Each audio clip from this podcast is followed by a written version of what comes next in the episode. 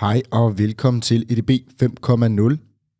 Det er podcasten, der zoomer ind på den nyeste bølge af EDB, eller AI, automatisering. Vi tager tech op af kælderen og ud i forretningen. Vi taler om, hvad det er, hvordan man bruger det intelligent, og kommer med real-life eksempler og erfaringer fra vores verden. Husk, at du som altid kan dykke ned i shownoterne, så du kan se, hvornår i podcasten vi taler om det, som interesserer lige netop dig. Har du derfor ikke tid eller lyst til at høre alt, kan du nemlig vælge, hvad du vil lytte til. I denne uge er ADB 5.0 gået internationale. Og så alligevel ikke. Danske Dan Sotrup, som til daglig bor i Bristol og forsker på Bristol University, er med i det online-studie. Dan er en rockstjerne på NLP-scenen og har den seneste rumtid arbejdet med at detektere fake news på Twitter. Meget aktuelt set i lyset af coronakrisen og Ruslands invasion. Og hvordan bruger man NLP og machine learning til det? Udover det taler vi også om generelt dansk NLP, da Dan beskæftiger sig meget med dansk data science community.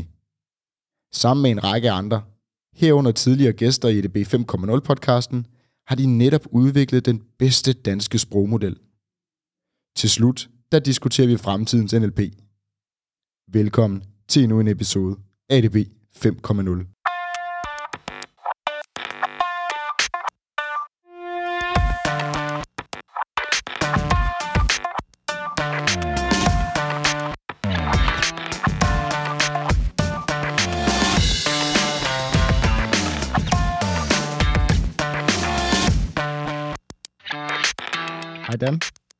Hej Mathias. og øh, velkommen til EDB 5.0 podcasten. Jo, tak. Jeg er meget glad for at være gæst her i studiet, eller hvad man nu siger. Ja, jamen det er jo lidt anderledes, fordi du sidder jo i, i England, og jeg sidder i, øh, i Danmark, så, øh, så vi taler på en, øh, på en online-forbindelse, men kan heldigvis se hinanden herover herover Teams, så øh, du er med i et, øh, i et online-studie, i et virtuelt EDB 5.0-studie. Det, øh, Lige præcis. hvem havde troet det, dengang man opfandt øh, den elektroniske databehandling? Præcis. Det er et øh, ægte globalt podcast. Præcis.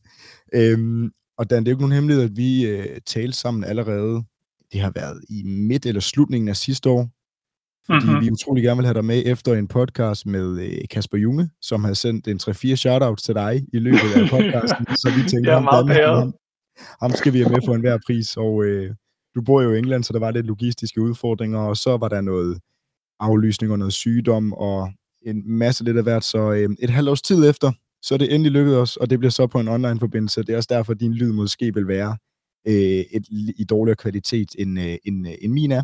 Men øh, forhåbentlig så kan budskabet trænge igennem det øh, lidt forringede lydkvalitet. Lad os håbe. Mm-hmm. Øhm, Dan, i stedet for at jeg skal sidde og glorificere dig, som, øh, som Kasper har gjort, øh, selvom jeg selv, også, også sagtens kan gøre det, så tænker jeg lidt, at øh, du kan få lov at præsentere øh, lidt om, øh, hvem du er, og, og hvorfor du sidder i, i et online-studie i dag. Ja. Um, jeg, jeg hedder Dan, og øh, jeg kommer lidt fra en, øh, en matematisk baggrund. Um, jeg færdiggjorde min øh, bachelor og kandidat i matematik på KU øh, tilbage i, hvornår var det? 16 må det have været. Øh, så besluttede jeg mig for, at øh, matematisk logik, det er, det er vejen frem, og øh, det er bare det, som jeg vil beskæftige mig med resten af livet. Øh, og jeg fik fundet mig en, øh, en PhD. Øh, det var så herover i England, øh, her ved øh, Bristol Universitet, hvor jeg er nu, som er et par timer vest fra London. Øh, og det tog en øh, tre og et halvt års tid øh, at færdiggøre det.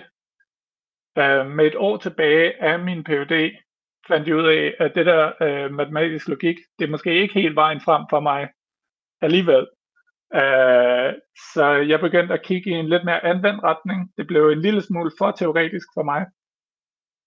Øhm, som mange af mine venner fra matematikstudiet måske vil grine lidt af, fordi at jeg var netop kendt for ham der, som lavede alt for teoretisk. Øh, ja, alt mulige teoretiske ting, og ikke rigtig nogen interesse i noget anvendt, så, øh, så de kan selvfølgelig grine. Men, øh, men der besluttede jeg mig for at skifte til data science. Øhm, så det var sådan noget af et hop, det var med et år tilbage af min PhD, så det var sådan lidt øh, med at jonglere nogle... Bare lige for, for at opklare, hvad lavede du mm-hmm. din Ph.D. i? Var det også øh, matematisk logik ah, eller modellering, eller, eller hvad? Øh, det var, hvad det var udelukkende matematisk logik. Så det er stadigvæk på det her teoretiske øh, grundlag, så at sige. Så det er mere eller mindre, det handlede om øh, matematikkens fundament. Så det er sådan øh, borderline filosofi, øh, filosofi møder matematik-agtigt. Spændende. Um, så det er, ja, det er super spændende. Uh, øh, meget teoretisk, uh, og sådan meget uh, ja, distanceret fra virkeligheden, så at sige. Så jeg savnede lidt, uh, lidt noget lidt mere virkelighedsnært. Um, så ja, så jeg tog en fod ind i data science, det var igen med et år tilbage af min, uh, af min PhD. Så det blev sådan noget lidt mærkeligt 50-50 øh, færdiggøre min PhD, men samtidig også lære en masse data science mere eller mindre fra bunden. Øhm, som jeg gik ud på en masse selvlæring. Jeg tog til flere hackathons. Der var en masse, der er en masse sådan offentlige hackathons, du bare kan deltage i herover i England. Øhm, og det endte med, da jeg færdiggjorde min PhD, øhm, var jeg så blevet sådan OK stabil inden for uh, data science, og jeg begyndte at sådan kunne ting. Uh, jeg fik et par jobs i nogle startups. Um, der var et uh, startup herhen i England, som hed Barbel, som arbejdede med noget NLP, sådan avanceret Word, uh, mere eller mindre, altså sådan intellig- mere intelligent Word-processering. Og Dan, jeg ved, at du kan tale rigtig teknisk, og det skal vi også gøre, men for en god ordens skyld, lige før vi dykker længere ned, NLP, mm-hmm. hvad, hvad er det? Selvfølgelig, selvfølgelig. Uh, så NLP, det er, man kan definere det på mange måder, vil jeg gætte på. Det står for Natural Language Processing, som mere eller, bare, mere eller mindre er, hvis du har en masse tekst, vi kalder det natural text, for ligesom at uh, lave en forskel eller en klar forskel mellem det tekst, som vi normalt skriver, hvis vi skriver et brev eller en e-mail, øh, og så øh, andre sprog, såsom kodesprog, eller hvis du skriver, øh, ja, lad os sige kodesprog som det, som det mest øh, forskellige fra, fra naturligt sprog. Så det er meget ustruktureret, kan man sige, øh, sammenlignet med kodesprog. Uh, og så, så det er det her natural language del af den, så er der det her processing, som mere eller mindre går ud på, at vi analyserer naturligt sprog. Så vi vil øh, finde mønstre i det naturlige sprog, for at gøre os i stand til at analysere naturligt sprog. Så det kan for eksempel være, hvis du søger noget på Google, øhm, så skriver du normalt det i, altså med normal tekst. Du skriver en eller anden sætning, noget som du har lyst til at finde ud af.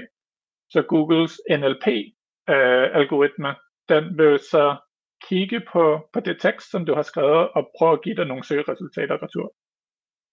Tak skal du have. det er også lidt. Um, men ja, så jeg arbejdede med et par startups, hvor det første startup arbejdede med øh, NLP. Så det, som de arbejdede med mere specifikt, var, vi alle sammen uh, kender Word uh, software til at skrive e-mails og skrive dokumenter osv de vil gerne øh, forbedre Word øh, til at gøre det lettere at arbejde i Word, eller i et Word-lignende stykke software, øh, men hvor at du arbejder med hundredvis af andre folk på samme tid på det samme dokument. Um, så der er en øh, åbenlys konkurrent, som er Google. De har deres Google Docs, som også er deres alternativ til Word, hvor man netop også kan arbejde på det samme dokument på samme tid.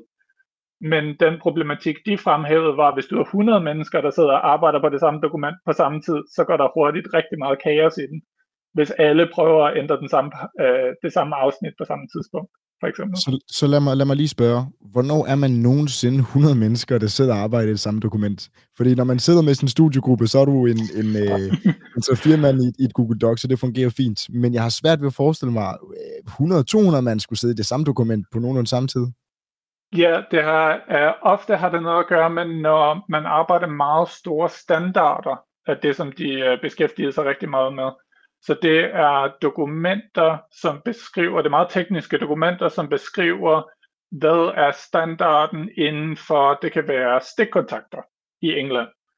øh, der er der et eller andet stykke dokument, som er flere hundrede sider langt, og der er rigtig mange forskellige mennesker, som arbejder på det dokument.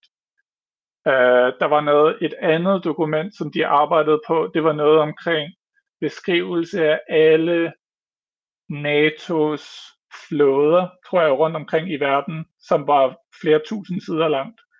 Øh, og det er alle NATO-lande, som har siddet og arbejdet på det på samme tid. Um, så det gør det også rigtig komplekst um, at prøve at få det til at gå op i en højere enhed. Så det er det, som de arbejdede på, Øh, og jeg var så derinde. Det var i løbet af min PhD, øh, var jeg inde i tre måneder øh, og arbejdede sammen med dem. Så det var ligesom mit første rigtige øh, indblik i, hvordan arbejder man med NLP. Øh, altså prøve at anvende de her øh, tekstanalyse øh, algoritmer, som jeg, havde, som jeg havde læst om og lært om, men at anvende dem i en, i en praktisk kontekst. Fedt. Så det var ja, øh, ja, min første oplevelse, kan man sige, inden for feltet.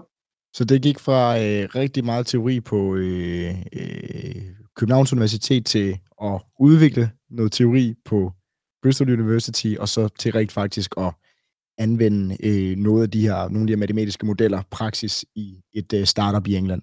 Er det korrekt forstået? Præcis. Det er rigtigt, ja.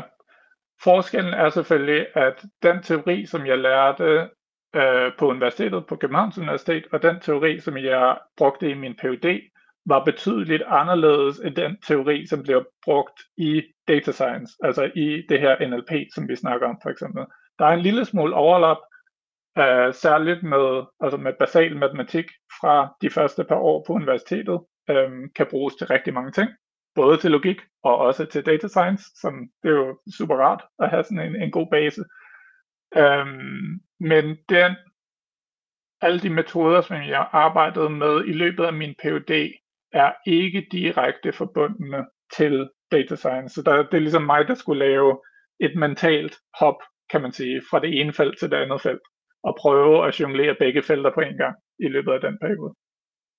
Super. Har du også øh, lavet noget øh, anden forskning, eller har du beskæftiget dig med andet, øh, eller har det primært været, været din rejse? Um, jeg har lavet, så det var sådan um, stadigvæk i slutningen af min, uh, af min PhD. Efter at jeg blev færdig med den, så flyttede jeg tilbage til Danmark og der øh, endte jeg med at blive ansat i Erhvervsstyrelsen i Danmark. Uh, de har sådan et rigtig fint øh, sådan data science lab eller AI lab, hvor at der er en 15 stykker ish, øh, som sidder alle sammen og arbejder med machine learning. Og mere specifikt arbejdede de med, eller arbejder de med øh, blandt andet at finde øh, svindlere i grov forstand. Altså både i forhold til skattesvindel, men i forhold til øh, hvidvask og forskellige andre svindelsmetoder øh, i øh, det danske rige, kan man sige. Mm. Det er også, um, det er også noget, vi har oplevet øh, Tor, som var inden for ATP, som udbetaler to ud af tre øh, offentlige kroner i Danmark. Øh, de har nemlig også en hel øh, her, havde jeg sagt, siddende til at lave øh, fraud detection for at se på, øh, når, når tallene de, øh, divergerer for meget. Præcis, præcis. Så inde i Erhvervsstyrelsen, øh, noget der måske adskiller Erhvervsstyrelsen fra så mange andre offentlige øh, instanser, er, at Erhvervsstyrelsen har adgang til rigtig, rigtig meget, eller i hvert fald AI-labbet i Erhvervsstyrelsen, skal jeg måske være specifik at sige, har adgang til rigtig mange forskellige datakilder, øh, fra forskellige offentlige instanser. Så de har mulighed for ligesom at koble, at lave de her koblinger mellem forskellige instanser øh, til at øh, finde tegn på fraud detection. Så det vil være svært for dem, hvis de udelukkende har adgang til øh, offentlige virksomhedsdata, såsom der er kommet en ny direktør i den her periode, eller det her er virksomhedens adresse, Uh, man kan finde lidt signaler ud fra det, men det er ret begrænset. Så det hjælper rigtig meget også at kunne få adgang til i hvert fald nogle af de andre kilder uh, relateret til, til virksomhederne, um, som der er i Danmark. Jeg ved også, der har været noget, øh, noget forskning i noget øh, misinformation. Ja, det er korrekt. Kan du prøve øh, ganske kort at give en, en introduktion, fordi det er noget, vi blandt andet skal tale om øh, her lige om lidt. Øh, men sådan mm-hmm. en ganske kort overblik over, øh, over det arbejde. Ja, så øh, efter jeg havde arbejdet i Erhvervsstyrelsen i et års tid, øh, besluttede jeg mig for at, øh, at måske prøve det her øh, forskning slash akademia af igen. Øh, bare her inden for machine learning i forhold øh, i stedet for matematisk logik. Um, så jeg endte med at få en postdoc-stilling, midlertidig postdoc-stilling på et år, herover igen på Bristol Universitet, hvor jeg også lavede min PhD.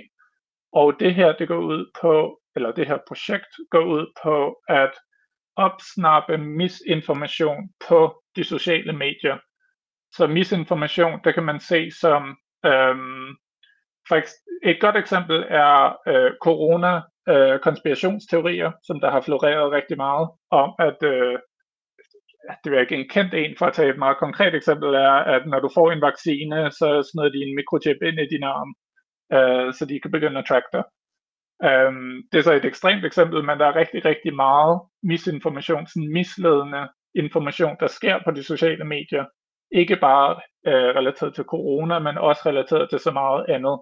Lige nu med det, der sker i Ukraine for eksempel, er der masser af misinformation, der også sker der.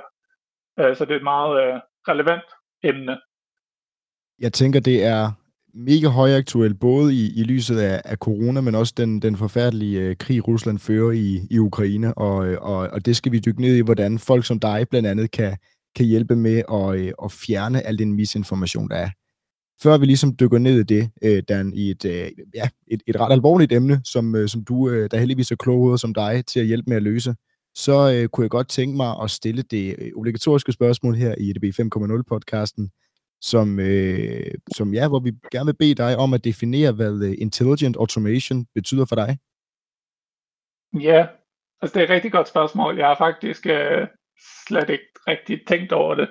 Men sådan, øh, hvis, jeg, hvis jeg skal komme med et svar, mit, mit sådan, skud for hoften svar, er, at det i princippet handler om mønstergenkendelse.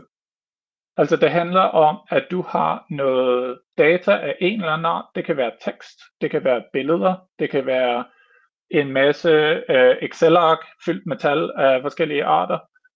Øh, hvis du øh, kan træne en model eller en eller anden type software eller en algoritme til automatisk at finde mønstre eller opsnappe mønstre i dit data, er det mere eller mindre automatisering af det data.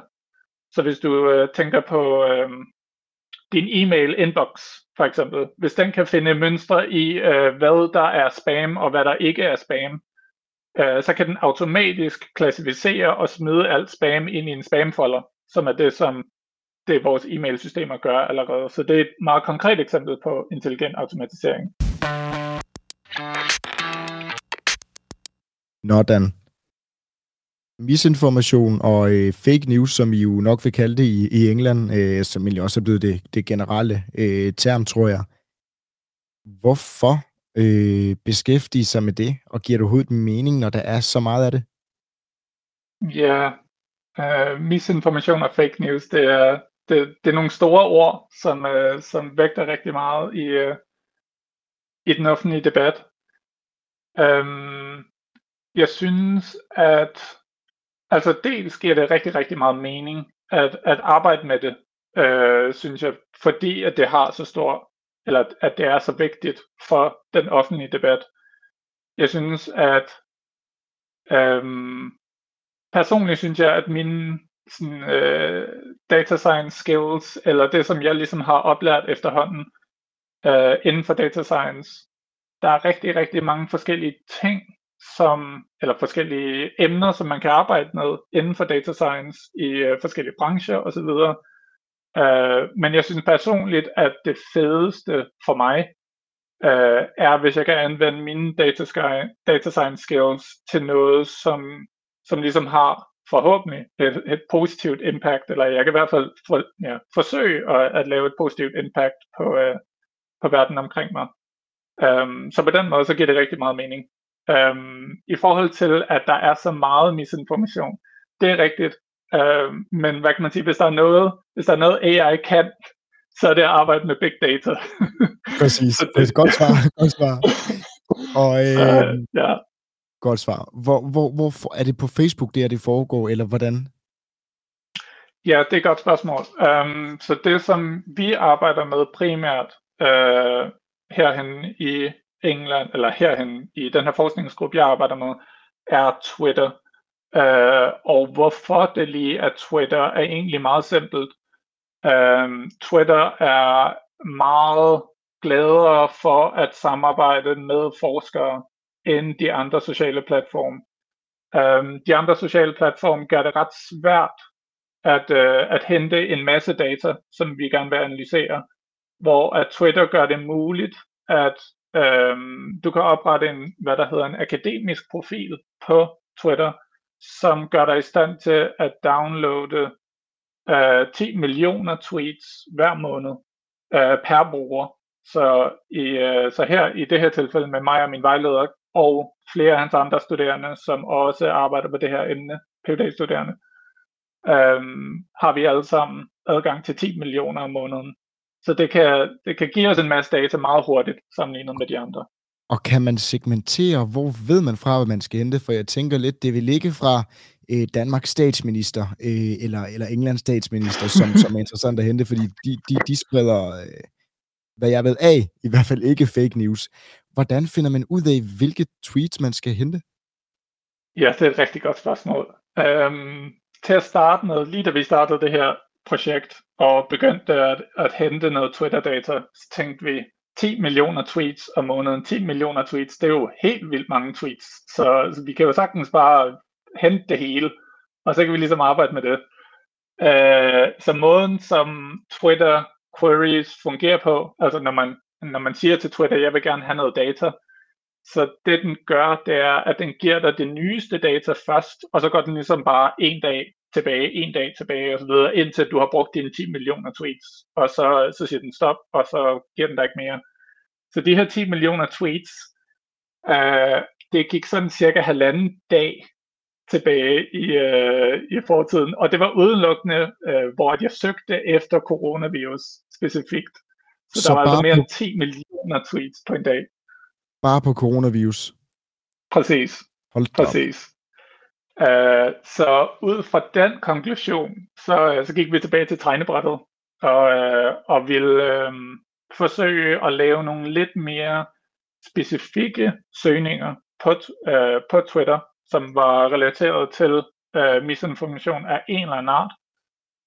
Så det, som vi startede med, øh, det var at glemme sociale medier lidt, og prøve at se, hvor kan vi finde øh, påstande, som der er blevet sagt, som er blevet øh, faktatjekket. Altså at der er nogle professionelle journalister, som har været inde over og sagt, de her øh, påstande, de er forkerte eller misledende, og de her påstande, de er korrekte og vedlægger deres kilder osv. osv. Øhm, der er flere hundrede øh, sådanne organisationer rundt omkring i verden. I Danmark har vi et, øh, der hedder checkde.dk for eksempel.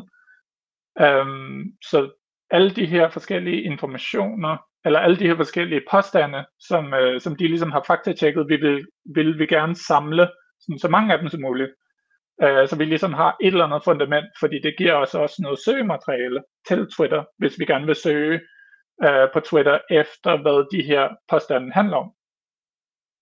Så, øh, så vi gik i gang med at hente påstande, øhm, så vi endte med at hente lige over 130.000 påstande, som var blevet faktatjekket øh, af lige over 100 forskellige øh, organisationer øh, fra 40 forskellige lande.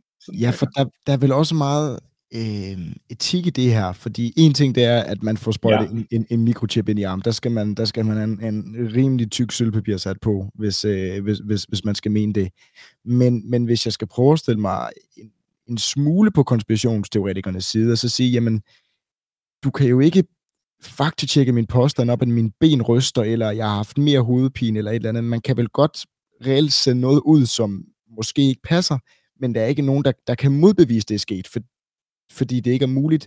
Hvordan forholder man sig sådan etisk til, at det rent faktisk er fake news?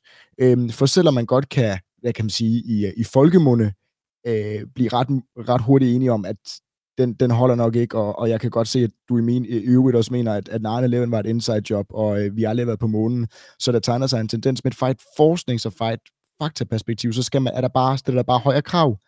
Mm-hmm. Hvordan er der etik forbundet med det? Ja, altså, jeg tror lige i forhold til det her spørgsmål, der bliver vi nødt til at splitte problemet lidt op, fordi at øh, de etiske spørgsmål, som nogen vil påstå, inklusive mig selv, er nok nogle af de sværeste spørgsmål at, øh, at prøve at besvare i den her, øh, i den her debat, hvis der overhovedet er et svar. Øh, den anden del af problematikken, eller af det her øh, emne, er den rent tekniske del. Altså hvor at hvis du accepterer et eller andet form for øh, etisk teori om, at vi, øh, vi tror, at det her, det her er det sande, hvad kan vi så gøre ud fra det overhovedet? Selv hvis vi bare blackboxer og siger, øh, vi tror, at når den her øh, fakta-checks organisation, øh, at den siger, at det er korrekt, jamen så er det bare korrekt. Hvis vi bare blindt tror på dem, øh, er det stadig et utroligt, utroligt svært spørgsmål. Så hvis vi skal komme nogen vegne overhovedet, så bliver vi nødt til at ligesom splitte det op i de her forskellige trin, så vi ikke prøver at behandle hele pakken på én gang. Øhm, på etikspørgsmålet øh, har jeg også arbejdet med øh, en anden forsker her på universitetet, en sociolog, som øh, ved meget mere om, øh, om de rent etiske aspekter af det her. Øh, så der vil jeg ikke udtale mig alt for meget, men, øh, men nogle af de spørgsmål, som, øh, som vi stillede øh, spørgsmål til, var, når man arbejder inden for det her felt som en forsker eller som en øh, machine learning person, arbejder man med en masse af de her datasæt, og som det er i machine learning, der bliver du nødt til at have et eller andet korrekt svar. Du bliver nødt til at sige til dine modeller, at det her det er korrekt, og det her det er ikke korrekt. Så det, som vi så har gjort, øh, både mig selv, men også øh, nærmest alle andre artikler, alle andre forskere inden for det her felt, øh, hvad de har gjort, de har lagt de har ligesom outsourcet den, den problematik til de her faktachecks organisationer. Hvad vi har sagt er, at øh, vi stoler på, at de her professionelle journalister, at de ligesom øh, er korrekte, øh, når de siger, at, øh, at noget er misledende eller ej. Og det, som jeg arbejdede på i den her artikel med øh, ham her sociologen, var at kan det passe, at, at vi bare skal, skal have blind tillid til dem? Fordi der er flere forskellige tidspunkter, hvor at der har været to øh, faktatjeks organisationer, som har været modstridende, hvor den ene siger, at det er rigtigt, og den anden siger, at det er forkert. Øh, der har også været et eksempel i nyere tid, hvor at øh, der var den her påstand om, at corona det er, det er bare en virus, som er lavet i et laboratorium i Wuhan, Øhm, lige da den påstand kom ud, jamen, så blev det bare blankt afvist af alle af de her faktatjeksorganisationer, som det her, det er, det er, noget, det er noget fjollet noget, og det er ikke korrekt. Øhm, efter noget tid, så øhm, den amerikanske præsident besluttede sig så for, at... Og bare lige, at, bare lige for Gordons skyld, nu, nu optager vi her i, øh, i marts 2022. Er det Donald Trump, der på det tidspunkt er præsident? Øh, nej, det her det var Biden. Faktisk. Det var Biden, godt. Ja, så, så ja, Biden han, øh, han gjorde det her øh, konspirationsteoretiske spørgsmål til et legitimt spørgsmål ved at han nedsatte en, øh, en gruppe, som, øh, som skulle undersøge, om, om corona i virkeligheden opstod fra Wuhan-laboratoriet. Uh, altså det er ikke at sige, at Biden han, uh, han sagde, at det var tilfældet, eller det ikke var tilfældet, eller noget som helst, men bare det, at han gjorde det til et legitimt spørgsmål betød lige pludselig, at øhm, de her fact-checks-organisationer, de skiftede. Altså de sagde, åh, oh, nu er det måske, øh, nu kan vi ikke rigtig sige, om det er rigtigt eller forkert, fordi vi afventer svar fra den her gruppe. Så det er et eksempel på, at man kan ikke blindt stole på, hvad de siger, fordi at det kan også være afhængigt af tid. hvad der er rigtigt og forkert. Det, det, det lyder, øh, jeg sidder her og nærmest prøver, prøver at tænke alle, alle scenarier igennem. Så ja, lige i, i machine learning skal man jo give øh, et, et ja-nej, true-false svar. Og Præcis. det svar bliver givet, fordi at man siger, at når en majoritet af øh, fakta-detektorer, øh, de siger øh, true, jamen så er det true, og så de det false, jamen så er det false. Men de kan jo ændres over tid, så hvor validt er det så, det output, man så giver gennem sin machine learning? Øh, det kræver vel, ja, hvad kræver det egentlig spørgsmålet? Ja, altså det er et rigtig godt spørgsmål. Lige i forhold til det her med, øh, altså alle de gange, hvor at faktatjekker faktachecks organisationer, hvis de er i modstrid med hinanden, altså hvis de er uenige om, hvad der er rigtigt og forkert, så har vi valgt bare slet ikke at tage det med.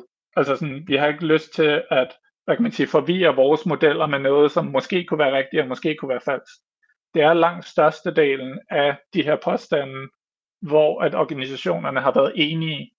øhm, så vi foretrækker at tage dem. Altså vi har nok påstande at gøre godt med. øh, så vi vil ja, gerne have et eller andet stabilt sted at starte fra. Og, og er det her, nu, nu nævner du så med, at, at, at Joe Biden har sat en, en arbejdsgruppe ned, der skal undersøge, om det er et laboratorie.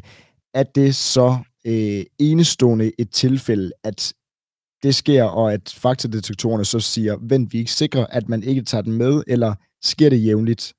Eller, eller ser man det simpelthen er, bare bort fra den, fordi det er, det er et unikt tilfælde? Det er et ret unikt tilfælde.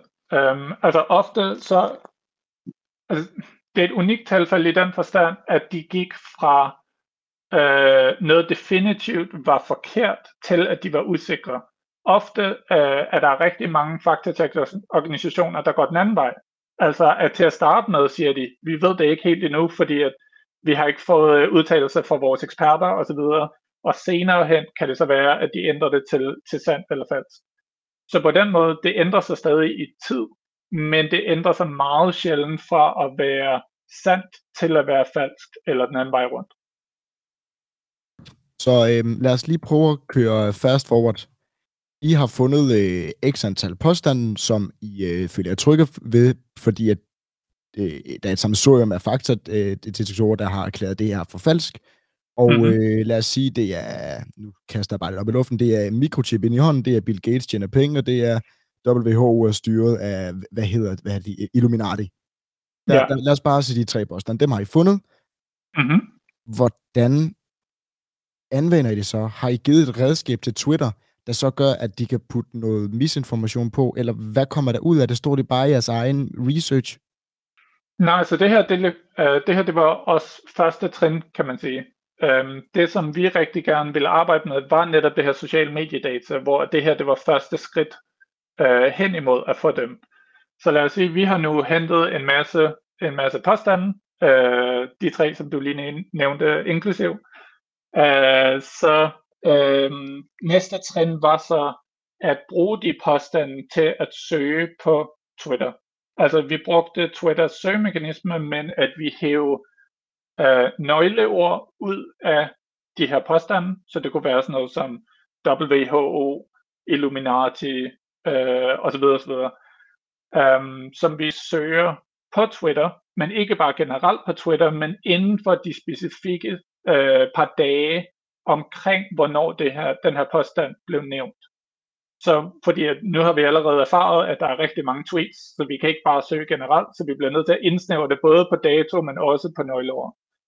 Um, så der lavede vi de søgninger for alle Øh, 130.000 tweets, øh, 130.000 påstande, øh, som gav os en hundens masse tweets. Um, selvfølgelig er størstedelen af de tweets, de har ikke noget med de her påstande at gøre, fordi at vi har jo bare søgt bredt på Twitter. Så det skridt, øh, hvad kan man sige, det sidste skridt, som der var i den her øh, pipeline, eller de her serie af skridt hen imod at have et, et solidt datasæt, var at koble de her tweets til påstandene. Altså vi vil gerne filtrere alle de tweets fra, som ikke snakker om de her påstande, altså de er urelaterede til de her påstande. Um, det var en proces, som vi så gjorde. Det tog ret lang tid, fordi der er rigtig, rigtig, rigtig mange millioner tweets, som vi havde på det her tidspunkt. Um, så vi fik gjort det hen over en 3-4 måneder, hvor at vi bare havde supercomputer, der kørte non-stop. Øhm, men vi endte med at, fik, øh, at få det indsnævret. Så vi endte med øh, at forbinde 10% af de her påstande, så altså omkring 13.000 påstande til 20 millioner tweets. Um, så vi har en god bunke tweets, og vi har en god bunke øh, påstande. 13.000, det er så kun 10% af det, af det sådan samlede billede, men det er trods alt øh, hvad kan man sige, høj kvalitet, kvalitetsdata, i og med, at vi har en masse tweets, der har noget at gøre med de her påstande. Det er ikke bare små brudstykker af tekst.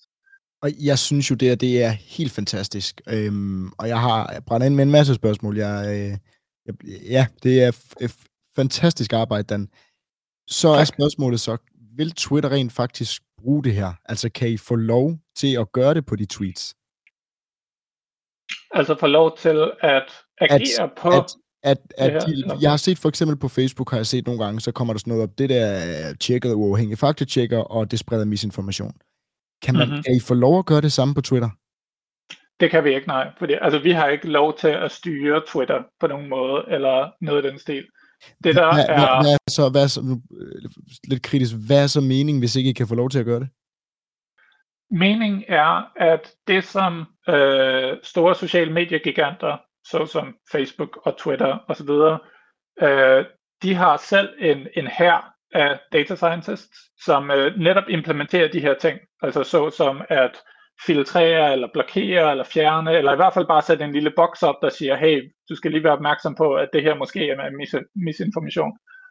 Øhm, det som de gør, det er, at de kigger på, hvad er forskningen, der, altså hvad for nogle artikler er der kommet ud lige nu, hvad for nogle af de hvad kan man sige, bedst performende modeller, som, uh, som kan løse det her problem for os. Og det som de gør, det er, at de implementerer de modeller i deres uh, interne system, så de så kan bruge det forskning er jo heldigvis åbent, så, øh, så alle de forskningsresultater, som vi får, inklusive vores datasæt, er frit for alle til at downloade og bruge og træne modeller på osv. Så det her det er en hjælp til alle, og ikke specifikt Twitter eller specifikt noget som helst, til at forsøge at skubbe det et lille skridt hen imod noget, noget bedre, kan man sige. Mega fedt. Så er, øh, ja, måske et lille så spørgsmål her på, øh, på, på, på den her del hvad med øh, hastigheden af det? Fordi at en ting, der er nu, I er gået tilbage og set på mm-hmm. historiske tweets, og det er fint. Mm-hmm. Men det nytter jo ikke at, at label et tweet eller et Facebook-opslag, der er tre måneder gammelt, fordi det er der nok ikke folk, der ser mere. Øh, det der er, det gør man måske mere på Facebook end på Twitter, men, men, men fred være med det. Du vil jo gerne have, at der er en høj hastighed, så den lynhurtigt kan detektere, fordi at, ja, hvad er det, man siger, at øh, en, en løgn når, øh, når halvvejs øh, rundt om jorden, før sandheden får bukser på. Præcis. Så altså det her datasæt er selvfølgelig øh, ikke noget, som, som skal bruges til at label gamle tweets. Altså det her datasæt øh, er lavet til, at forhåbentlig en masse folk, øh, forskere og folk på industrien, kan træne rigtig, rigtig gode modeller, der kan, der kan opsnappe om det her, eller i hvert fald bare finde indikatorer på, om det her det kan være misinformation eller ej og dernæst implementere det på nye tweets, som der bliver, der bliver postet. Så hvis du arbejder inden for Twitter, og du har implementeret øh, vores, nogle af vores algoritmer for eksempel på det her datasæt, og du har trænet dem på det datasæt osv., øhm, når der kommer et nyt tweet ind, og lad os sige, at du gerne vil faktatjekke det, det vil de jo sikkert gøre på en meget stor skala, øh, måden du vil gøre det med vores modeller, det var, at du vil hive noget information ind omkring det her tweet, altså nogle af de øh, kommentarer, der var skrevet på det. Hvad er det for en bruger, som har, som har lavet det her tweet, skrevet det her tweet? Hvad er det for nogle øh, personer, den her bruger følger på det her sociale medie, og hvem følger den her person? Øh, hvilke billeder bliver der uploadet? Hvad er det for nogle artikler, som der bliver linket til? Hive øh, en, et sample af al den information ind det kan man gøre sådan relativt hurtigt, særligt hvis du arbejder på Twitter og har direkte adgang til Twitter-informationen.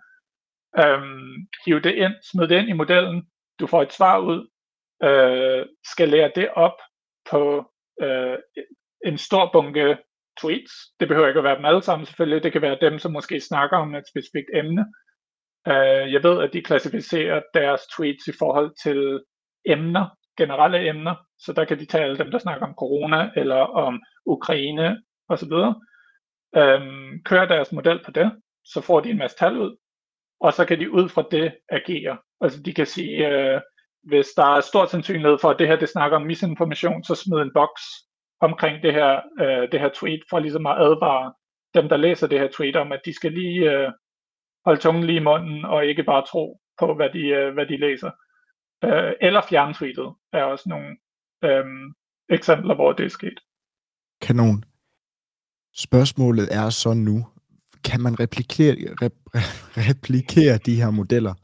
Øhm, for god ordens skyld skal jeg måske lige sige, at vi taler sammen den 3. 3. 3. marts 2022, hvor øh, Rusland har øh, invaderet Ukraine og gået i krig med dem. Forhåbentlig er der, er der bedre øh, nyheder, når det, er, det bliver lanceret.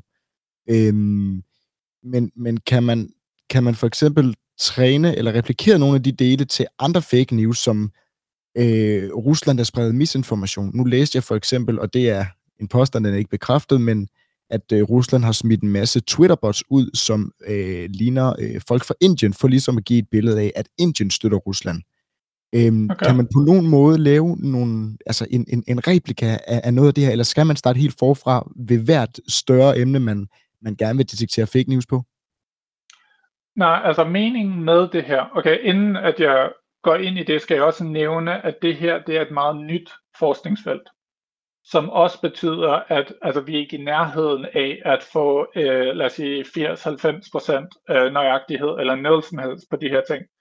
Øh, så alle de her modeller, inklusiv dem, gætter jeg på, som der er implementeret hos de sociale medier, det vil være meget svært for dem at udelukkende, baseret på modellerne, øh, lave nogen som helst form for øh, action, altså at, at slette tweet eller så videre.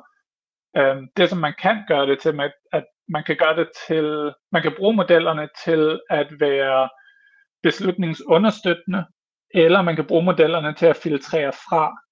Så det kan være, at du starter med øh, en milliard tweets, og hvis du kan indsnævre det til 1000 tweets eller 10.000 tweets, som du så kan lave nogle mere kvalitative vurderinger af, så vil det gøre det meget hurtigere for, din, øh, altså for medarbejderne i Twitter for eksempel til, til at gøre det her. Men så, modellen så, er, er vel trænet på corona og Bill Gates og WHO og alt muligt andet øh, til præcis. at fange dem. Nu vil vi jo skulle bruge Putin og Ukraine og tanks og artilleri. Øh, nu kan jeg ikke lide de engelske ord i hovedet, men, men altså mm-hmm. på engelsk. Så kan man på nogen måde bruge de her modeller, eller anvende dem på tværs af elementer, eller skal man starte forfra? man skal, ideelt set skal man ikke starte forfra. Uh, altså det her datasæt har vi netop lavet som et forsøg på at gøre det mere generaliserbart. Altså at vi har, øh, der går 10 år tilbage i øh, fortiden, så det inkluderer øh, for eksempel 2016, hvor at der var det store Trump-Hillary-valg, øh, hvor der skete en masse misinformation. Der var øh, corona, og nu er der også Ukraine. Ukraine er ikke lige med i datasættet, fordi at der var det allerede færdigt. Men pointen er, at øh, når vi evaluerer modeller, der er trænet på det her datasæt, så træner du modellen på nogle begivenheder, der er sket, og du evaluerer modellen på andre begivenheder. Så for eksempel, øh, så siger vi, hvis du for eksempel træner på øh, Trump-valget i, øh, i 16, og måske nogle andre begivenheder, og du evaluerer på, når man kan den nu finde ud af corona. Altså selvom den ikke har set noget corona før, kan den godt finde ud af corona eller ej. Det er det stadie, øh, vi evaluerer modellerne på.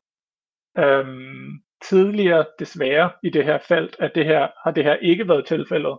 Altså hvor at de bare har lavet et vilkårligt split, hvor de bare de ligesom tager alle dine påstande, øh, tager en vilkårlig mængde af lad os sige, 10%. Det kan være en god blanding af både corona og også Trump. Og evaluere på det. Øhm, det giver desværre øh, det giver et, et falskt håb, så at sige, at hvis du evaluerer dine modeller på den måde, nu ved jeg godt, det bliver lidt teknisk, men det er hurtigt overstået. Kom, kom endelig. okay, så hvis du evaluerer dine modeller på den måde, så risikerer du, at du pludselig stoler på dine modeller meget mere, fordi at den siger, at jeg performer helt vildt godt, fordi jeg kan godt detektere øh, coronamisinformation, fordi jeg er trænet på coronamisinformation. Så det er lidt problemet, hvis at vi evaluerer på det samme data, mere eller mindre det samme data, som vi har trænet vores modeller på, så kan vi ikke stole på vores evalueringsresultater. Vi kan ikke stole på, at den er spredt af falske indiske profiler fra Rusland, for eksempel. Fordi at den har ikke prøvet at være evalueret på noget, der er så forskelligt fra, hvad den er trænet på. Spændende. Dan, tak det for... Det giver øh, forhåbentlig lidt mening. jamen, det gør det bestemt, bestemt. Det har været øh, fedt, at der er nogen som dig, som, som laver det her. Forhåbentlig så er det, så er det noget, som, øh, som udvikler sig, et, et forsknings- og et øh, hvad kan man sige, praktisk udviklet område, der, der udvikler sig, øh, praktisk anvendt område, der, der udvikler sig utrolig meget, så vi kan få fjernet så meget misinformation som muligt, også til, til fremtidige kriser. Det skal ikke det kun handle om, øh, om øh, fake news og øh, sørgelige begivenheder i verden. Øh, selvom du har været øh, øh, ja, halv englænder i, øh, i en del år øh, efterhånden, så er du stadig meget engageret i øh, på den danske datascene og med til at udvikle det. Kan du ikke prøve at fortælle lidt om, øh, om dit arbejde for, øh, for det danske data science community? Jo, helt sikkert. Øh, jeg har arbejdet en, øh, en del med øh, altså Dansk Data Science Community, som er den her forening, som øh, Kasper Junge øh, han også snakkede om i det podcast sidste gang. Um, så vi er meget tæt på at være oprettet som officiel forening. Det sker forhåbentlig inden for en måneds tid eller to. Øhm, og ja, først og fremmest kan jeg lige sige et par hurtige ord om, hvad det her Dansk Data Science Community, hvad det handler om. Øh, grundlæggende set handler det om, at vi er en hulens masse data scientists, som, øh, som arbejder i Danmark, og vi vil gerne øh, have en, en kanal eller en, øh, en mulighed for at spare sammen, at øh, vidensdele alle vores erfaringer osv., og samtidig også have en mulighed for, at vi ligesom har en fælles stemme øh, udad til som de danske data scientists, øh, frem for at det bliver nogle små øh, enklaver rundt omkring i, øh, i det danske samfund, men at vi, vi rent faktisk har et eller andet form for sammenhold øh, gennem events og, og projekter osv. Så, så det er sådan selve communityet som helhed. Øh, jeg har arbejdet med øh, flere forskellige folk i projekter relateret til både dansk øh, NLP, altså dansk sådan, tekstanalyse, øh, og også øh, skandinavisk tekstanalyse mere generelt. Ja, jeg øhm. ved, at du også har været med til at lave nogle, nogle modeller, som kan score andre modeller. Lave modeller, der kan score Eller andre du, du, modeller. du har været Nå, med til at, at, at lave noget, noget, noget risikoscoring. Vi har blandt andet haft Malte fra øh, KMDN, som talte om øh, Elektra blandt andet, øh, som, som også kendte dig. At, kan, kan du fortælle lidt, lidt mere om, øh, om, hvordan man ligesom måler modeller, altså NLP-modeller? Ja, ja, så jeg har lavet et, øh, et framework, som jeg kaldte for, øh, eller kalder for Skandeval, så skandinavisk evaluering. Øh, så det system går i virkeligheden ud på, at den, øh, den tager en, en model, som, øh, så det er en sprogmodel, som kan være på en af de skandinaviske sprog. Øh, hvad er Skandinavien, kan man måske øh, stille sig spørgsmål om. Der er mange forskellige definitioner. Så i det her tilfælde øh, arbejder jeg med øh, Danmark, Sverige, Norge, Island og Færøerne, som, som værende de, de skandinaviske lande, mere eller mindre, fordi de har alle sammen slam, stamme, øh, samme sprogstamme, øhm, i modsætning til for eksempel Grønland og Finland, at de, øh, deres sprog er simpelthen bare så meget anderledes, at det ikke er øh, sådan oldnordisk.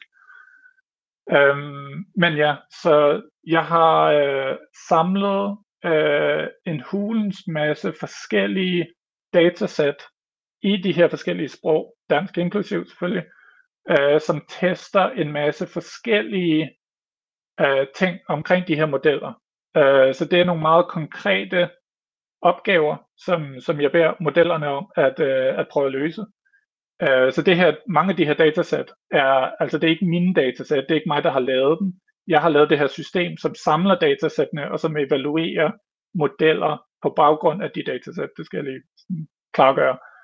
Um, så et eksempel på et dansk datasæt er det her meget kendte datasæt, som hedder Dane, øh, som går ud på, at vi har en masse tekster. I de her danske tekster, eller sådan sprogbyder og sætninger, øh, kan der være en masse personnavne og steder og forskellige andre ting, øh, som vi gerne vil have, modellerne skal kunne skulle, skal kunne finde ud af at klassificere. Så hvis vi for eksempel giver den en masse tekster og siger, jeg vil gerne have alle personnavne, der optræder i de her tekster, så skal den, så skal den kunne finde ud af at, at give mig alle dem. Um, så det er uh, et eksempel på en opgave. En anden eksempel på en opgave, bare for at have to forskellige eksempler, det er hate speech, speech eller hadsprog, kunne man sige på dansk øh, som også går ud på, at du har en masse forskellige tekster, og du skal så klassificere, hvilke af de her tekster, der er øh, hadsprog, og hvilke der ikke er. Øhm, både hadsprog, men også mere generelt, sådan at du øh, siger du noget, der er offensive eller ej. Altså sådan, ja, siger du noget, der ikke er, er helt, øh, helt PC der, der bliver jeg nødt til at, at bryde ind igen, fordi der er der jo også en masse overvejelser, og hvad er offensivt for en person, er ikke nødvendigvis offensivt for en anden person, og kan man lige pludselig blive sat i en forkert bås, hvis, altså... Helt sikkert, helt sikkert. Og det her, altså det her specifikke datasæt, jeg arbejder, eller som jeg også taler om, det er det her datasæt, der hedder DK Hate, uh, som er udviklet af nogle forskere fra IT-universitetet, Um, øh, jeg har ikke været inde over den specifikke data uh, labeling. Um, jeg er sikker på, at de har gjort sig en, en masse tanker omkring det. Jeg kan ikke, jeg har læst deres paper, men jeg kan ikke lige huske præcis, hvilke overvejelser de skriver deri.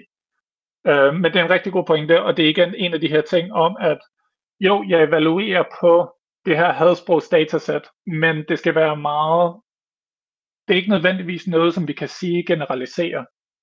Altså så i stedet for at sige, at jeg evaluerer modellerne på hadsprog, så lad os kalde det, øh, jeg evaluerer modellerne på øh, ITU hadsprog, eller sådan, ja. eller sådan ja, DK hate hadsprog. Så den her meget specifikke definition af, hvad de har sagt hadsprog er, kan modellerne også finde ud af at replicere den øh, definition. Så sådan kunne man meget firkantet se på det. Og der er andre definitioner af hadsprog, som kunne lede til andre datasæt, og det vil så være andre tasks, øhm, som, som man kunne sætte de her modeller til at lære. Ideelt set kunne man få dem til at lære noget, som helt generelt kan fange hadsprog i alle dens øh, former. Men ja, det er eksempler på to af de her opgaver, som jeg, som jeg evaluerer de her modeller på. Spændende. Og man kan sige, at dit felt, øh, eller det du bidrager med og hjælper til at arbejde med i, i, i Dansk Data Science Community, det er så primært NLP, kan jeg forstå. Det er korrekt, ja. Men, så det men er både det, NLP det er andre, i... Ja, undskyld. Øh, så det er både NLP i, i tekstforstand, det er også NLP i øh, lydforstand. Så jeg har begyndt at, at arbejde øh, lidt med nogle forskellige folk inden for øh, talegenkendelse på dansk. Ja. Det er, det er sådan et, et nyt felt, øh, særligt inden for, øh, inden for dansk, som ligesom i forhold, øh, hvad kan man sige, hvis vi, tager, hvis vi tager et skridt tilbage og kigger på dansk tekst NLP, så det første, de første rigtige skridt, øh, betydelige skridt inden for dansk tekst NLP, var øh, den danske virksomhed slash startup, øh, som hed BotXO, øh, som nu hedder Certainly.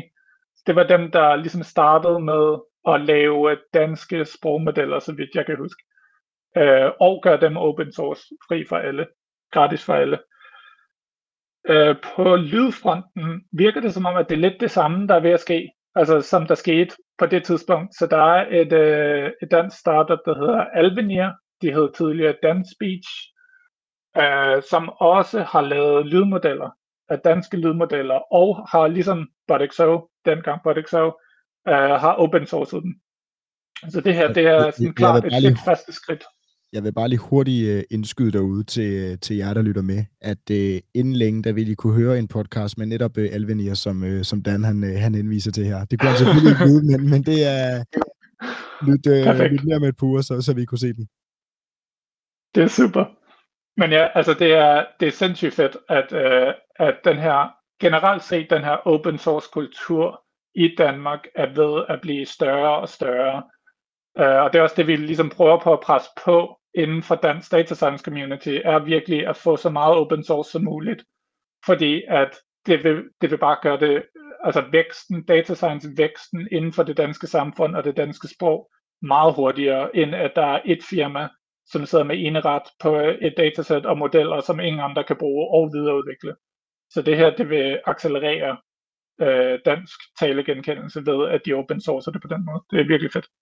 Og er fokuset øh, i, øh, i dansk data science community, er det primært eller udelukkende på NLP, eller er der også øh, andre områder? Der er også andre områder. Så det er, altså, det, vi er en gruppe folk på, ja, nok omkring 10 forskellige, 5-10 forskellige øh, mennesker i det her Dansk Data Science Community, som er rigtig, rigtig glade for NLP. Og øh, vi kommer til at give et indtryk af, at øh, Dansk Data Science Community udelukkende handler om NLP, og det er forkert. Altså vi, øh, øh, der bliver lavet en masse forskellige andre ting. Øhm, man kan måske se det på den måde, at det, der differentierer dansk data science sammenlignet med den, øh, data science generelt, altså engelsk data science for eksempel, eller kinesisk data science, det er netop det danske sprog. Altså hvis du laver billedgenkendelse for eksempel, så vil billedgenkendelse på dansk være det samme som billedgenkendelse på engelsk eller på kinesisk. Øhm, så der hvor vi virkelig kan gøre en forskel, en, en klar forskel, er netop ved at inkorporere dansk i øh, de her forskellige algoritmer. Så det er måske også det, der gør, at, at det kommer til at lyde som om, at Dansk Data Science Community handler primært om NLP, fordi at det er der, hvor at vi stikker mest ud. Men der er klart mange data scientists, der arbejder med mange af de andre områder i data science også. Godt at høre. Så det er ikke kun er for, for NLP, når der selvom, selvom NLP er spændende. Præcis. Og man kan sige, en af udfordringerne, som du også nævner ved, ved dansk NLP, er, at, at, at vi, er et, øh, vi er et lille sprog, så man kan den vælge at øh, stille og roligt at bygge gode danske modeller op, eller man kan lave vildt specialiserede modeller inden for et enkelt område, så bliver det lettere, fordi man, man afgrænser sig. Øhm, og faktisk det får vende, vende lidt tilbage til, til noget af din forskning og de her modeller, du har lavet. Det går, jeg går ud fra, at de er på engelsk. Um, Ja og nej.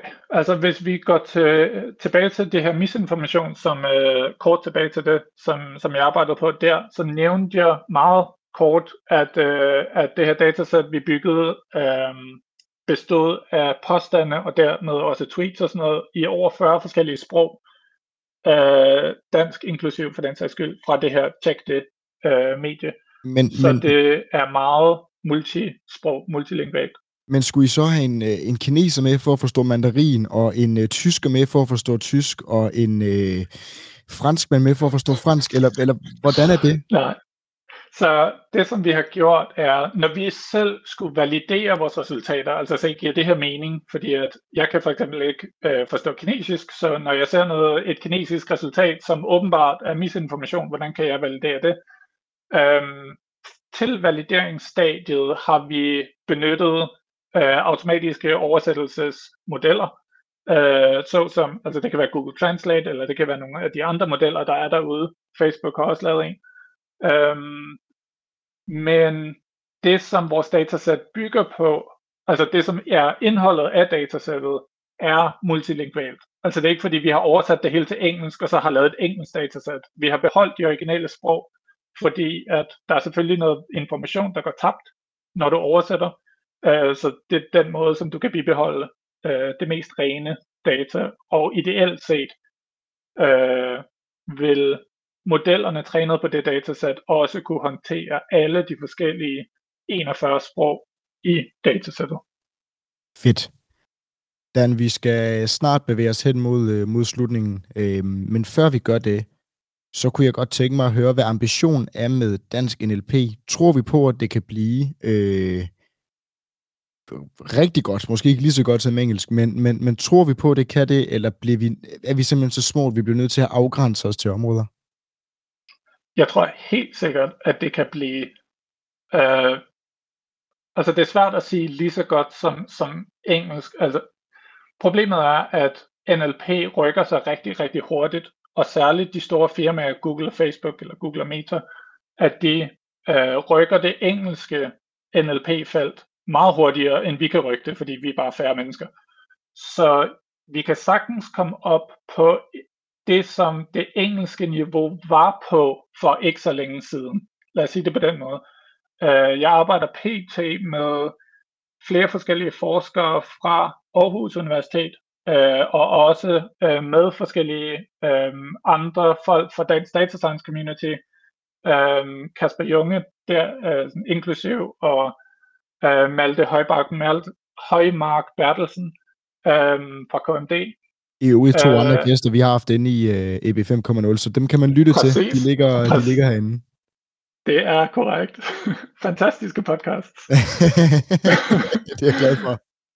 øhm, men ja, men vi er en gruppe af, hvad kan man sige, ildsjæler forskere, som arbejder på at lave ligesom det, det største danske datasæt og de bedste danske modeller øh, PT.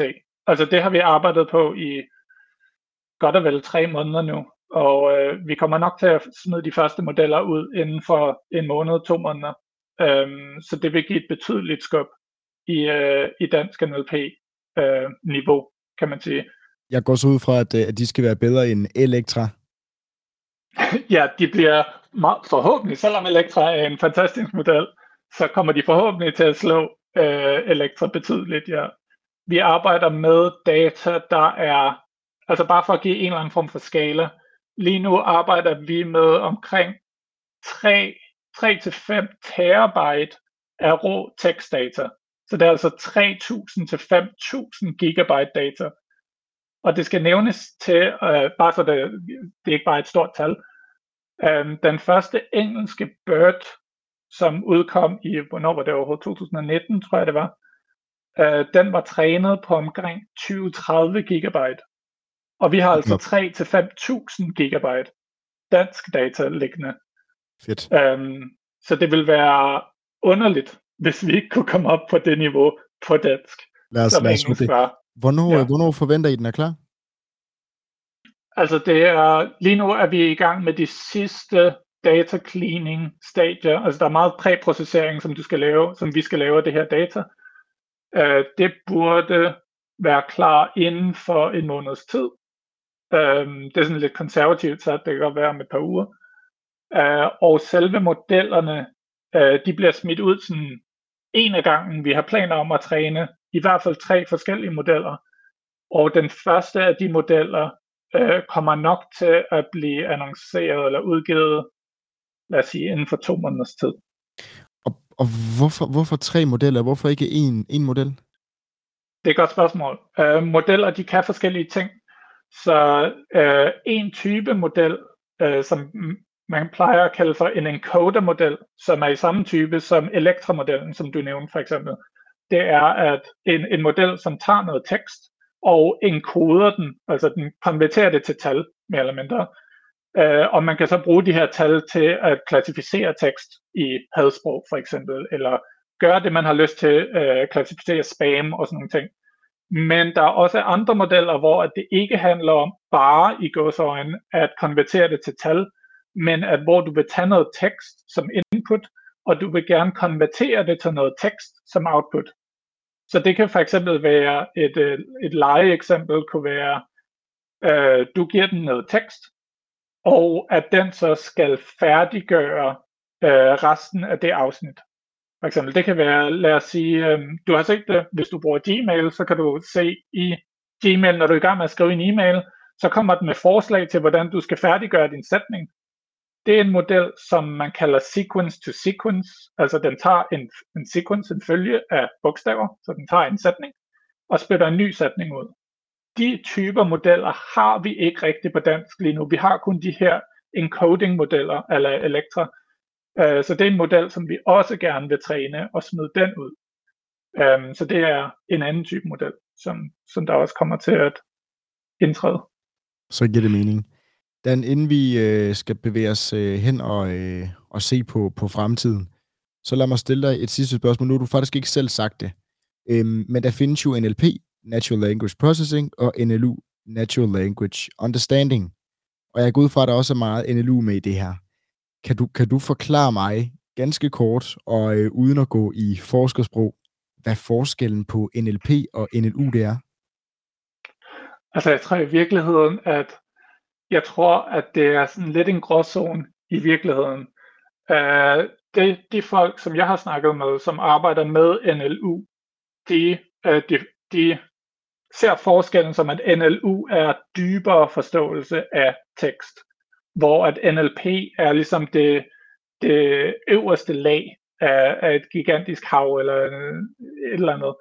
Um, hvor at igen NLP handler om at finde de her meget øh, grove øh, klassifikationslag af, altså, okay, jeg prøver lige at tage den igen.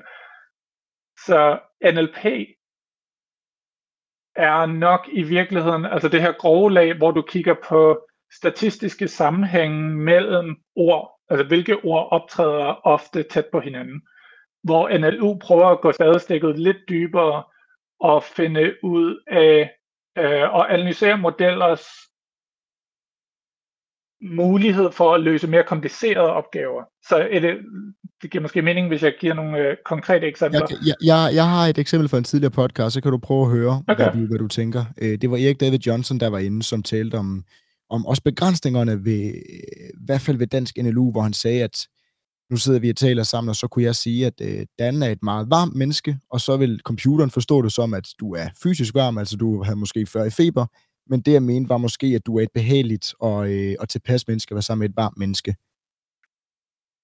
Ja, altså,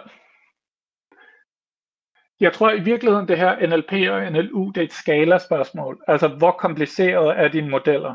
Det her med, hvis jeg øh, arbejder en model, som, hvor jeg inputtede, den er et meget varmt menneske, i mange tilfælde ville den rent faktisk kunne finde ud af det korrekte forståelse af det, netop fordi, at øh, at der er, det vil være oftere, at mennesker taler om hinanden som et varmt menneske, frem for at den her person er fysisk varm. Så det er udelukkende igen statistisk, at det er mere typisk, at du vil, du vil tale om et varmt menneske, som, som, øh, som ikke er være fysisk varm. Men et eksempel på noget, hvor du går endnu dybere end, end det, det kunne være, øh, jeg giver dig en, øh, en nyhedsartikel, eller måske endda en hel bog, eller et kapitel, eller et eller andet, og jeg beder dig, dig du er modellen nu, og jeg beder dig om at opsummere den her øh, nyhedsartikel, eller opsummere den her bog, eller bogkapitel, øh, med dine egne ord. Altså sådan, du, øh, du tager ikke bare direkte sætninger fra den her bog eller det her, den her nyhedsartikel, men du skal beskrive den her nyhedsartikel med dine egne ord. Det er utrolig svært, fordi at den skal finde ud af en masse forskellige ting. Den skal finde ud af, hvad er hovedkomponenterne i de her artikler, og hovedkomponenterne, øh, og hvordan de spiller sammen, osv. osv. Den skal finde ud af, øh, bare et sidste eksempel, den skal for eksempel finde ud af, at hvis øh, i første afsnit af en eller anden nyhedsartikel, at de nævner et navn, som måske er hovednavnet, inden for, som den her artikel handler om. Når de senere hen beskriver den her person med hun eller ham, så skal den vide, at det her hun og ham svarer til den samme person, som der blev beskrevet måske tre afsnit øh, tidligere. Så den her dybere forståelse af sprog er noget, som vi har meget lidt af på dansk som udelukkende, næsten udelukkende er på grund af manglende datasæt på dansk. På engelsk har de kæmpestore datasæt, der, der arbejder med de her ting, men på dansk, der har vi ikke lige så mange datasæt, der handler om, om de mere komplicerede sprogopgaver. Nå Dan, vi skal øh, stille og roligt til at runde af. Det blev efterhånden en, en lang snak, men, øh, og jeg har endda holdt mig igen med mine spørgsmål. Det har været en, øh, en kæmpe fornøjelse at have dig med og tale lige fra øh, ja, din øh, rejse fra matematisk modellering eller mo- matematisk logik til mm-hmm. øh, forskning og til Erhvervsstyrelsen over at lave, øh, øh, konvertere dit matematiske hjerne til at lave dansk data, eller til at lave data science og machine learning og forskning til at detektere fake news og dit arbejde på den danske data science community scene. Jeg tror, vi kunne lave en uh, Joe Rogan lang tre timers podcast om, omkring det her, men vi bliver nødt til at begrænse os lidt. Så øh, før, vi, øh, før jeg cutter øh, forbindelsen her, så kunne jeg godt tænke mig at høre dit bud øh, på, på fremtiden for, øh, for dansk data science community, og ikke nødvendigvis kun NLP. Jamen, jeg tror, dansk data science community, tror altså nu er det stadig, hvis vi taler om sådan communityet som, som gruppe, frem for øh, at det er en eller anden faggruppe eller et fagfelt, øh, tror jeg har rigtig, rigtig lyse dage foran sig. Øhm, I og med, at vi er stadig i de begyndende stadier, altså vi er ikke en officiel forening endnu. Indtil nu har det været, øh, det har været Kasper Junges initiativ, som startede det hele, øh, og at vi ligesom bare er blevet en, øh, en gruppe folk, som snakker sammen og laver projekter sammen og mødes og hænger ud sammen øh, og laver teknisk sparring. At, at vi går ind i et nyt stadie nu, hvor at vi øh, bliver en officiel forening, som også kommer til at inkludere en masse øh, nye initiativer. Øh, vi kommer til at have flere forskellige meetups øhm, rundt omkring i landet. Det bliver ikke bare i København. Det bliver altså både København og Aarhus og Aalborg er der også snak om.